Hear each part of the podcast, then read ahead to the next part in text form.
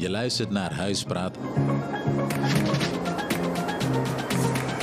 Een podcast over de woningmarkt. Deze podcast is mogelijk gemaakt door woonplatform Jongba.nl en wordt gepresenteerd door Sander en Chen.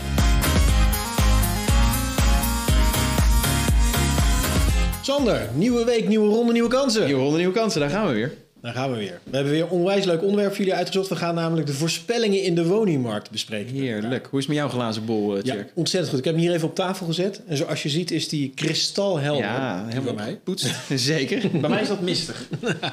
ik, eh, ik weet het niet meer. Ja, hey, Sander en ik verwonderen ons elke keer over wat er nou weer allemaal in het nieuws eh, gebracht wordt van, van echt grote instituten. Ja. Dan hebben we het echt over de Rabobanken, de ABN's en de ING's, de grootbanken van deze wereld, maar ook het CBS, die dan voorspellingen gaan doen van wat dit jaar de woningmarkt ons gaat brengen. Ja, ja. En die komen bijna altijd uit, Ja, toch? die zijn toch? echt. eh, ja, die zijn. Ja. ja. precies.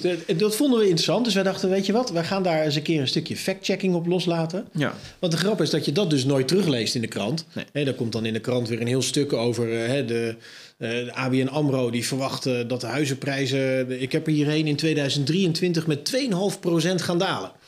Maar er is niemand die op 31 december eh, 2023 komt met een overzichtje van... Goh, wie zat er eigenlijk het dichtst bij? Nee. Hè, wie had er nou eigenlijk een beetje gelijk? Nee, en die voorspellingen doen ze eigenlijk altijd. Want al die banken hebben Ja. natuurlijk een econoom. En ze doen het ook op alle onderwerpen. Ja. Dat is ook mooi. Dat is het, eh, daar zit, volgens mij zit daar een economisch bureau. Dat zijn echt wel slimme mensen. Absoluut. En die maken hele ingewikkelde modellen. Daar, eh, daar ga ik me niet aan wagen. Want dan komt er eh, een hele rare voorspelling uit, denk ik. Ja. Maar dus daar zitten knappe koppen. En die gaan dat dan naar buiten brengen. Dat, nou ja, oké, prima, dat kan. Dan ben je in het nieuws. En ik vraag me dan altijd af, wat is daar precies het nut van? Eh, want wie heeft daar iets aan? Ehm, eh, dat, is, dat, is, dat is vraag één die ik altijd heb. Mhm. En ik vraag me ook altijd af, als je dat nou publiceert... wordt het dan niet ook werkelijkheid? Omdat je het gepubliceerd hebt. Ja, is het ook niet een beetje een soort van wishful thinking door de bank? Hè? Dat ze zeggen van nou, hè, we zien dat die woningmarkt enorm hard stijgt. Hè? Dat was afgelopen jaar zo. Ja. Dus zullen we anders niet een soort eh, eh, gematigd bericht de wereld in helpen... om te kijken of we op die manier een beetje kunnen temperen? Dat de, hè, banken zijn natuurlijk, of in ieder geval grote instituten... die zijn het meest gebaat bij geleidelijke groei. Ja, Eh, hè, dus er moeten niet van die excessen in zitten. Het moet niet heel erg naar boven schieten en ook niet heel erg naar onder. nee, dat Dus vergroot vooral- eigenlijk alleen maar risico. ja, precies. Ja. Dat moet allemaal gematigd. Dus laten we nou vooral gematigd iets roepen om te kijken of we een soort anti-geluid kunnen laten horen om dat te middelen. Interessant. Ja, werkt natuurlijk niet. Zo, werkt zo werkt het Nee. niet. En, en, maar er staat ook nooit bij. Want ik, als ze nou zouden roepen van... Nou, als de hele wereld exact hetzelfde blijft... zoals het de afgelopen drie maanden is geweest... Ja. dan verwachten wij dat. Ja. Dan had ik het al veel aannemelijker gevonden wat ze daarna roepen. Ja. Waarschijnlijk staat dat wel in dat onderzoeksrapport, maar dat staat niet, Staat, dat in de staat niet op staat niet in de krant. Niet in de krant, Nee, nee. exact, precies. Dus, eh, eh, dus dat vind ik altijd een beetje wonderlijk. Dat, dat, niet, dat, dat is natuurlijk een beetje de kern van het, waar het probleem ligt, denk ik. Is dat die, want dat zijn precies wat je zegt, ontzettend slimme, doorgeleerde koppen die dat Ja. bedenken. En Ja, dat komt, ja. wordt echt niet uit de grote duim gezogen. Nee. Eh, maar toch komt het keer op keer komt het natuurlijk totaal niet uit. En dan is het weer ingehaald door de realiteit. Dan zeggen ze van ja, ja, ja dat COVID eraan kwam, konden we ook niet zien aankomen. Of Nee. dat Poetin eh, bommen ging gooien, konden we ook niet zien aankomen. Nee, klopt. Maar zo is er altijd wat. Ja, ja precies. Ja. Dus ja, wat, wat is dan het nut van zo'n voorspelling? Dat, ja, dat is inderdaad een beetje de vraag die ik mezelf dan af en toe stel. Van ja, dan lees ik dat en dan denk ik, nou oké, ja, dat kan. Het geeft een sentiment weer. Dat, kan, dat zou ook nog kunnen. Maar als ik dan onzeker ben over mijn positie op de woningmarkt... en volgens mij zijn er vandaag de dag... Hè, we zitten nu in oktober eh, 2022... vrij veel mensen onzeker over hun positie op de woningmarkt... dan helpt dat natuurlijk helemaal niet. Nee. Eh, dan ondermijnt dat alleen maar eh, dat je, de, dat je eh, de markt zijn gang wil laten gaan. Want dat willen we volgens mij in, in Nederland op de woningmarkt. Dat dat een eigen proces is wat tot stand komt op, een, op een, een soort marktplaats eigenlijk. Ja. En, en dat is prima, daar hebben we met, met, met elkaar voor gekozen. Dat is even los van de discussie hoe wenselijk dat is... omdat wonen een grondrecht is. Maar Mhm. Ehm, eh, ik vraag me dan wel af, inderdaad, al die voorspellingen. Jij hebt, dat, eh, jij hebt daar wat onderzoek naar gedaan natuurlijk. Van wat kwam daar nou van terecht? Ja. Ja, iedere dag is er wel een voorspelling. Ze doen allemaal ook andere voorspellingen. En af en toe denk je, denk dan gaat, bekruipt je inderdaad het gevoel dat je denkt van... oh ja, deze, deze voorspelling is vooral gedaan omdat dat die beroepsgroep dan goed uit gaat komen. Ja. Als dat werkelijkheid wordt. En dat, dat vind ik dan toch een beetje tegenvallen ook. Ja, het zou, ja, het zou kunnen. Dat, ja, dat, hè, dat, dat, dat inderdaad een soort self-fulfilling prophecy moet, uh, moet Ja, ook dat nog. Maar ik, ik zal je, ik zal, we gaan een quiz houden, beste mensen. We gaan eens even luisteren. Oh, ik dacht, jij gaat even een bloemlezing, een bloemlezing Nee, doen. ik, ga, nee, ik denk dat is helemaal niet leuk. Eh, in- in 2021 heeft de Rabobank, begin 2021, heeft de Rabobank een voorspelling eh, eh, gemaakt. Sorry, eind 2020 moet ik goed zeggen. Heeft de Rabobank een voorspelling gedaan voor wat er gaat gebeuren in 2021 en 2022. Oké. Wat denk jij wat die voorspelling was? Zo, ik heb deze, even, even voor, de, voor de luisteraar. Ik heb deze cijfers niet gezien. Nee. En ik was niet voorbereid op deze vraag, dus ik val even stil. Maar Ja. jeetje, wat, eh, wat, wat was er voor... Nou, in 2021 eh, eh, denk ik een afvlakking van de stijging. Ehm, ik heb geen idee van de procenten. Ehm, eh, en ehm, eh, van de percentages, moet ik zeggen. En in 2022 misschien een lichte daling. Ja, precies. Nou, nou, hier zit het heel goed op. Want het was natuurlijk... We zaten toen in een periode dat heel eh, COVID natuurlijk helemaal eh, actueel werd. En de hele wereldeconomie ging instorten. En Ja. alle supply chains gingen kapot. Ja, Ehm, en ze hadden inderdaad gezegd van nou, hè, in 2021 gaan de prijzen al licht dalen. Oh, oh, en dus ja. het vlakt af en het gaat aan het einde van 21 gaat het al licht dalen. Mhm. Min 0,8 procent. En in 2022 gaan we gewoon volle bak met 2,6 procent achteruit. oei. Dus hun scope was, in die periode gaan we min 3,4 procent. Ja.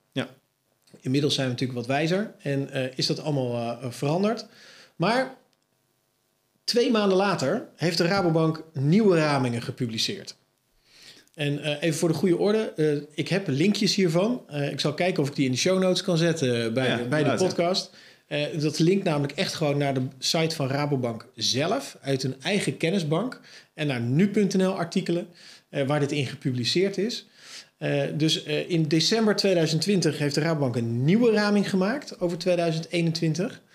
En toen voorspelden ze zelf dat het zou gaan stijgen met 5,5% Oh, dat is ook, dat is ook lekker. Ja, dus twee maanden later zijn ze eigenlijk van min 0,8 Nou, naar plus 5,5. plus 5,5. Ja. Even wat miscommunicatie eh, tussen twee afdelingen.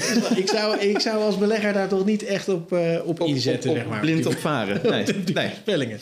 Nee, ja, wonderlijk is dat. Hè? En toen heeft ING heeft zelf ook een voorspelling gedaan in eh, februari van 21. Hè? Dus eigenlijk weer twee maanden nadat de Rabobank iets geroepen heeft, zijn zij eh, ook weer wat, eh, wat gaan roepen. Mhm. En die hebben toen geroepen van nou, in het begin van 21 gaan we nog achteruit. Mhm. Maar aan het eind van 21 gaan we enorm stijgen. Dus uiteindelijk wordt het min 2,5 procent. Maar over de laatste helft van 21 wordt het plus 5 procent. Oké. Omdat? Ja, dan moet je het artikeltje Oh, dat wel niet. Ja, oké. Nee, want soms doen ze ook een voorspelling en dan staat er helemaal niet bij waarom. Oh zo, ja. Nee, dit, hier, zij eh, relateren het heel erg aan de krimp van de economie... en daarna de groei van de economie en de krapte op de woningmarkt. Oké. Want uiteindelijk is er maar één gemene deler in al die nieuwsberichten. Eh, uiteindelijk staat er overal wel van... ja, eh, die krapte is er nou eenmaal. Ja. Hè, er is natuurlijk gewoon een enorm tekort, een enorme woonvraag. Ja. En gewoon ja, huizen en daken tekort voor mensen om onder te stallen. Dus dat is wel, wel een beetje, een beetje wat overeind blijft. Ja. Eh, maar goed, ik heb nog een hele trits aan statistieken. Ik zal, ik zal, eh, ik zal een deel in de show notes zetten. Zullen we eens even kijken of we dat kunnen doen. Leuk. Eh, waarbij eh, echt van maand op maand de, de voorspellingen veranderen. Zo had ook weer de vrienden van de Rabobank hebben in juni 21 geroepen van nou, we gaan stijgen met eh 11% Zo. Ja, en in eh even Van min, kijken. 0, van min 0,8 naar Ja, plus mooi, hè? 5,5. Precies. En Nou, toen plus 11. september, datzelfde jaar, hebben ze gezegd van nou, we stellen het bij, het wordt 26 Oké. de stijging verdubbelt nog eens een keer. Dus eh voortschrijdend inzicht zullen we het maar doen. Het lijken wel eh, crypto's. Ja. Ik weet niet, maar... Crypto's. Wat een eh, percentage, joh. Ja, ongelooflijk. ik vind het... En dat, nou ja, dit vind ik dus ook lastig. Want wat moet je hier nou als consument mee? Wat kan je hier nou mee? Je kan er niks mee. Je gaat er gewoon en mee. toch doet het wat met je. Ja, je ziet maar dat, is het. komen in de krant en je denkt dan... oh ja, zie je wel, mijn onderbuikgevoel klopte. Ja. Het wordt allemaal moeilijker. Ja, Of andersom, hè, van ik moet, ik moet nu kopen, want eh, kijk maar in het nieuws. De prijzen blijven alleen maar stijgen en anders ben ik te laat. Anders ben ik, ja, precies. Ja, of je denkt, eh, jeetje, ja, inderdaad. ik was al onzeker, maar nou, nu gaan we echt vol gas overbieden. Want dan, dan hebben we misschien nog net voor die grote boost aan stijgingen... hebben wij nog net ons huis te pakken. Ja, precies. Hey, dit is eigenlijk wel een heel mooi bruggetje naar, naar een volgend onderwerp. Zit ik me te bedenken. Want je kan natuurlijk, de woningmarkt bestaat uit kopen en huren. Zeker. Ehm, wat zijn nou de voordelen van kopen en de voordelen van huur? Want hier hebben we het heel erg over onzekerheid en over, over gedoe. Maar eigenlijk is dat allemaal koopgerelateerd. Allemaal koopgerelateerd, ja. Dat eh, eh, stijgingen en dalingen in de huizenmarkt, eh, ja, dat heb je als koopwoningeigenaar last van. Of, Ja. of niet? Nou ja, eigenlijk niet. Maar Ja. dat is natuurlijk ook zoiets. Hè? Iedereen denkt altijd, ja, die fluctuaties in die prijzen, daar heb je last van. Ja. Maar zolang je niet verhuist... Nee. Toevallig hadden wij daar van de week nog een artikeltje over op LinkedIn geciteerd. Zolang je niet verhuist is er natuurlijk helemaal niks aan de hand. Nee. Je woont gewoon ergens, er is niks aan de hand, je betaalt gewoon je hypotheek, punt. En dat is ook letterlijk gewoon punt. Daar, daar stopt het. Exact. Totdat je denkt, ik ga nu mijn huis verkopen. Ja, als dan de schuld die je nog hebt groter is dan wat je woning gaat opleveren omdat de prijs gedaald is, Ja. dan heb je een probleem. Mogelijk, want dat hoeft niet eens een probleem te zijn. Want vaak zijn daar ook weer allerlei methodes voor. Laat u vooral goed adviseren door een financieel adviseur. Maar dan hoeft er niks aan de hand te zijn. Maar inderdaad, de, laten we zeggen, stemmingmakerij maakt wel dat je denkt... jeutje, ik zit me dadelijk een partij in de panarie. Ja. Ik zit de partij onder water. Ik sta mijn partij onder water inderdaad. Iets met klimaatadaptief, maar dan anders. Ja, nee, maar dat, maar het is wel. Dat, Ja. dat zorgt voor onrust. Klopt. Vaak onterecht. En dat snap ik niet klopt, zo ja. goed. Ja, nou ja, in de, in de crisisjaren eh, heb ik natuurlijk ook wel een hoop gevallen voorbij zien kopen, komen van, van mensen. eh, acht, negen jaar geleden hebben we natuurlijk een mooie, of mooie, een hele vervelende diepe crisis gehad. Ja, Ehm, en het vervelende van, van, eh, eh, van zo'n crisis is dat mensen die moeten, die hebben een probleem. Ja. Ga je scheiden, ehm, ehm, komt er iemand te overlijden, sluit een goede overlijdensrisicoverzekering af, dan is dat in principe ook geen probleem. Maar nogmaals, laat je goed informeren. laat je goed adviseren. Of je krijgt ineens een vierling. Hè? Dat Ja, kan, nou, dat kan ook, hè. zijn. Dus Precies. het hoeft niet altijd negatief, kan ook positief zijn. Maar ja, en je zit, Ja. je zit nog steeds in je studiowoning. Ja, ja, dan een je appartementje. Eh, gezellig. Heb je wel Ja. eh, heb je een uitdaging. En daar, daar liggen echt de pijnpunten, daar liggen de, liggen de problemen. Maar in principe iemand die gewoon woont, werk heeft, eh, hè, dus baanzekerheid heeft. Ja. En volgens mij is er extreme krapte op de woningmarkt. Dus die baanzekerheid, dat zou moeten lukken. Ehm, dan is er, hoeft er geen probleem te zijn. Nee, krapt op de arbeidsmarkt bedoel je? Ja, Ja, ja. Oh, zei ik woningmarkt? Zei woningmarkt. Oh, pardon. Er is arbeidsmarkt. Op twee markten krapt. Ja, ook. Ja, dat is ook niet gelogen. Nee, nee, nee, zeker. maar eh, nee, op beide kanten is het natuurlijk een enorme krapte. Dus Ja. blijf je wonen, heb je zekerheid van arbeid, dan, dan is er eigenlijk geen probleem. Nee. En misschien is dat eigenlijk ook wel het mooiste voordeel van in een koopwoning ten opzichte van in een huurwoning wonen. Is dat zolang jij woont en gewoon braaf je hypotheek betaalt, ben je dus gewoon een lening aan het aflossen. En ben je eigenlijk vermogen aan het opbouwen. En je bent je spaarpot eh, genaamd stenen, ben je aan het vullen. Ja. En dat risico wordt steeds lager. Ja, precies. Je gooit iedere keer door dat open raampje gewoon een paar euro naar binnen. En dan, eh, ja. precies.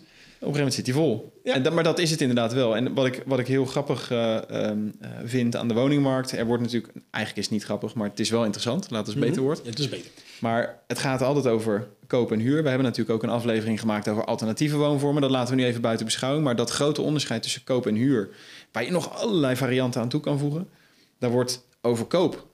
Dat is volledig geromantiseerd, want Ja. dat is het summum. Daar moeten we allemaal naar streven. Maar vergis je niet, in Nederland woont slechts 55% van de mensen in een koopwoning. En 45%, en echt niet allemaal in de grote steden, Nee. woont gewoon in een huurwoning. Ja. En daar wordt altijd over gezegd, ja, dat is je geld weggooien. Zie je wel? Ja, Ja. dat is eh, niet fijn.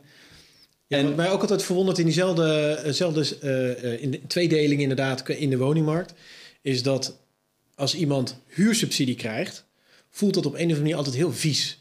Dan Ja. heeft iedereen zoiets van, "Ugh, je huursubsidie, huursubsidie, Ja. moet ik voor jou je huur betalen? Dat is, eh, vind, ben ik het niet mee eens. Aan de andere kant, iedereen met een koopwoning heeft hypotheekrenteaftrek. Precies. Is ook gewoon Hoor je niemand subsidie. over. Hoor je niemand over. Want daar hebben we gewoon recht op. Dat is, ja, precies. Dat is gewoon hypotheeksubsidie. Ja, Dus eh, nou, dat zijn eh, niet mis te verstaande woorden hier aan tafel. Maar nee, maar dat is wel waar. Dat is goed dat je dat zo zegt, inderdaad. Want dat, dat, we worden dus aan alle kanten wordt de woningmarkt gesubsidieerd. Ja. Dus koop en huur, allebei. Ehm, en laten we wel wezen, zeker aan de, aan de huurkant, als iemand huursubsidie krijgt, nou, dan is dat sowieso al niet heel fijn. eh, als je in die positie verkeert, want dan heb je dat blijkbaar dus echt wel hard nodig. Ja. Eh, eh, dan, dan zit je niet in een, in een fijne financiële positie. nee, je doet het niet uit luxe. Nee, je doet het niet uit, uit pure luxe dat je denkt, weet je wat, ik vraag nog eens even toeslag aan. Ehm, maar het, het verschil tussen koop en huur in die zin, en dat wordt dus een beetje geromantiseerd, maar we hebben het dus over, je bent aan de ene kant vermogen aan het opbouwen in je koopwoning. Ja. Dat is een, eh, dat is een belangrijk voordeel. Ehm, als je op een bepaalde manier eh, je hypotheek hebt ingericht, dan, eh, dan zou het zomaar kunnen zijn dat je maandlasten gedurende de looptijd van die hypotheek heel de tijd dalen. Ja. Dat, je, dat je steeds minder gaat betalen, wordt steeds leuker eigenlijk. Ja. Steeds meer financiële ruimte. Ehm, eh, de verwachting bij vastgoed is eigenlijk ook altijd, hè, dat is een veilige investering. Dus het is stabiel, Het stijgt een beetje. Nou ja, de afgelopen jaren iets meer dan een beetje. Maar Ja, nou goed, dan komt er ook weer een de periode van daling aan. De Dus trendlijn over de Ja. jaren heen is natuurlijk gewoon stijgend. die, is, Ja. die is stijgend en, en die, eh, die gaat schuin, eh, die gaat lichtjes omhoog. Met wat excessen daaromheen. Ehm, en, en dat is het, het risico voor iemand die in een koopwoning woont. Of er zijn meerdere risico's natuurlijk, maar alles komt op jouw rekening. Ja. Eh, dus daalt de prijs, jouw rekening. Heb je onderhoud, jouw rekening. Ja. Eh, gaat, eh, vliegt de boel in de fik, jouw re- rekening en risico. Dat, daar kun je voor verzekerd zijn, dat kan allemaal wel. Ja. Ehm, maar uiteindelijk is het rekening, eh, zeg maar, de, alle risico's zijn voor rekening van de woningeigenaar. Precies. En dat zorgt bij veel mensen, of nou, laat ik anders zeggen, dat zorgt bij sommige mensen ook weer voor stress. Absoluut. Dus Ja. dat bezit, dat is leuk. Ehm, maar dat kan ook zorgen voor stress. En zeker als je denkt, woe, ik vind het toch wel spannend. Eh, als je er op die manier naar kijkt, ja, dat was een mooi, hè? Woe, Spannend zeg. Eigen huis. dan kan het heel fijn zijn dat je denkt, joh, nou, daar- laten we even dat sentiment rondom huur even laten voor wat het is. Want ik heb daar geen mening over. Mhm. Ehm, dan kan het ook zijn dat je zegt, ik vind eigenlijk een huurwoning voor mij persoonlijk veel fijner. Ik word daar, rust, ik word daar rustig van. Ja. En dan woon ik lekker, dan betaal ik gewoon mijn huur. Maar dan is het risico niet voor mij. Ja. Het financiële risico is niet voor mij. Eh, allerlei onderhoudsgedoe, hè, bouwtechnische risico's, niet voor mij. Ehm, eh, we hebben in Nederland goede huurbescherming, dus je wordt ook niet zomaar uit je huis getrapt als het, eh, als het iemand eh, goed uitkomt. Ja. Dus dat soort risico's zijn veel minder voor jou als, Precies. als woning, als Ja. bewoner. Op weg naar de studio toen we aan het wandelen waren, waren we ook een beetje aan het voorkletsen uiteraard. En toen, toen vergeleek ik het een beetje gekscherend met in loondienst staan of ondernemerschap. Ja. Een, een koopwoning is een soort van ondernemerschap. Je hebt, je hebt in alle knoppen zelf te bedienen, maar dat geeft ook weer stress. Ja. En alle risico's zijn voor jou als ondernemer als het niet goed gaat. Ja.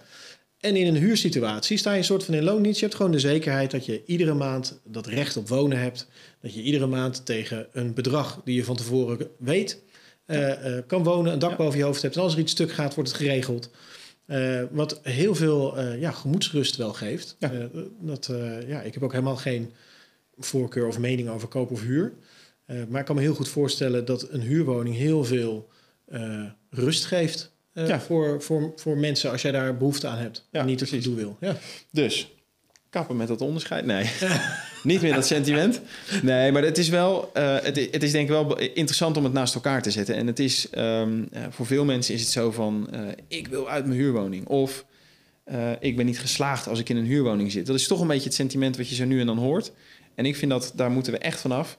Dat als jij gewoon in een huurwoning wil wonen, dan moet jij gewoon in een huurwoning kunnen wonen. En dan moet het niet zo zijn van, ja goed, ja, dat hebben we nou helemaal niet, want eh, dat willen we niet meer. Nee. Dat, eh, dat vind ik, eh, ehm, nou, ik vind dat niet gezond. Je moet wel iets te kiezen hebben. En niet alleen maar of het een appartement is of een rijtjeshuis. Maar je moet ook kunnen kiezen van, nou, ik wil het kopen of huren. En dat hoeft niet overal, op iedere plek, ehm, eh, in dezelfde mate beschikbaar te zijn. Maar eh, laten we zeggen, zo'n soort van stigmatiserende werking, dat, daar, moeten we niet, eh, daar moeten we niet voor gaan, denk ik. Nee, het is wel jammer dat we in Nederland een klimaat hebben waarbij inderdaad een, een stigma op huur eh, rust. En daarmee ook bij de bouw van wijken of de inrichting van wijken je heel erg een, een onderverdeling hebt tussen een stuk koop en een stuk huur. Ja. En dat dat minder gemixt is. En dat heeft er ook mee te maken dat als een woningbouw gaat bouwen, is het maar voor een deel vrije sectorwoningen en, dan, en een deel is sociaal. Eh, nou, als het echt hele goedkope woningen zijn, eh, die staan tussen huizen van 6, 7 ton, ja, dan is dat natuurlijk die afspiegeling van de samenleving, die liggen ver uit elkaar. Ja. eh, die daar dan komen te wonen. Dat Kan heeft- goed werken. Kan heel goed werken, hè? Bedoel, precies. Ik heb daar ook daar geen, geen niet expertise in, ook geen mening over. Eh, maar goed, in ieder geval, dat, je kan wel concluderen dat dan de, de- het verschil groot is op zijn minst. Ja. Ehm, maar in Nederland hebben we ook heel weinig middenhuur of, of wat duurdere huur. Nee. Als jij een leuke eh 201 kapwoning wil huren, nou, knappe jongen die hem vinden kan, eh, zeker in het westen van het land. Ja, precies. Nee, want dan krijg, je, dan krijg je te, dat, te maken met dat stigma van... eh, oh, jij wil huren. Ja. ja, ja, nee, Ja. Dat, Ja, nee, waarom? dan- waarom kijk je dan naar een huis? Dan Ja. moet je naar een flat kijken. Nou, ja, precies. Ja, dan dat is je een appartementje. Ja, Ja, dat is, dat, dat is het gewoon. En weet je, prima dat we dat niet veel bouwen, omdat we dat niet gewend zijn. Dat kost natuurlijk, dat, zo'n transitie kost heel veel tijd. Ja. Voordat je een keer zoiets eh, veranderd hebt. En ook zo'n stigma ben je niet zomaar vanaf. Maar ik denk wel dat het gezond is om daar eens eh, het gesprek, op zijn minst het gesprek over te voeren. ja. Nou, en misschien ook het interessanter maken om dat soort dingen gewoon te bouwen en te huur aan te bieden. Ja. Dat als je gewoon een, een, een middenhuur van ergens eh, tussen, de, tussen de 12 en de 1600 euro per maand eh, kan aanbieden. Maar dat je dan voor die 1600 euro ook gewoon een, een knappe woning kan huren. En niet een, een, een studio in Amsterdam. Nee, precies. Of dat je een eh, slim financieel product, maar dan kom je dus een beetje in die andere Ja. woonvormen daaraan koppelt. Zodat het niet alleen maar huur is, maar toch ook een beetje vermogensopbouw. Ja, exact. Ja, nou, ik denk dat dat heel slim is dat je dat eraan koppelt. Hè? Dus dat je de voordelen van een eigen huis met een stukje vermogensopbouw, omdat je je hypotheek aan het aflossen bent, dat je een soort gelijk product in de huursector kan maken, waarbij Ja. het gewoon een spaarproduct is. Ja. Eh, ik denk dat dat heel, heel goed zou kunnen werken. Precies. Ja, interessant. Ik, ehm, eh, ik, ik, ik word hier altijd wel enthousiast van. En ik vind trouwens dat... ehm, eh, ja, nee, punt.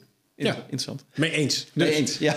Heb je ideeën over alternatieve woonproducten in het huursegment? Kom met ons in gesprek en stuur je e-mail naar info. info.jumba.nl Zeiden zij in koor. Mocht je nou wonen in een interessant ehm huurproject... Ja, eh, of daar met de, ontwikkeling, met de ontwikkeling van een dergelijke woonvorm bezig zijn... en zeggen van, joh, ik wil gewoon echt een keer in die podcast mijn verhaal doen... dan hebben wij daar natuurlijk eh, zeker alle ruimte voor. We hebben tegenwoordig een prachtige studio. ja dus kom naar de studio. kom daar naartoe en ehm, ehm, dan gaan we graag met je in gesprek. Want ik denk dat het ook belangrijk is dat we... Het is een informatieve podcast. Dus hoe meer dingen die niet zo bekend of bemind zijn... eh, we, eh, ja, we, we laten horen. Dat is gewoon, dat is gewoon goed ter eh, lering en de vermaak. Ja, helemaal mee eens. Eh, vooral ook, heb je nou een idee wat afgeschoten is? Hè, dat je met je idee Ja. de bühne op bent gegaan, maar de projectontwikkelaar of de gemeente of regelgeving stond in de weg. Eh, dan gaan we graag een keer met je in gesprek. Ehm, heel erg leuk om een keer over te sparren en over gedachten van te wisselen. En, en wie weet kunnen we met z'n allen daar toch meer beweging in maken en meer alternatieven dan alleen maar die segmentatie van je hebt een koophuis of je hebt een huurhuis. En een huren is eigenlijk vies. Ja. Daar moeten we van niet meer. ik zie je weer bij de volgende podcast. Tot volgende week.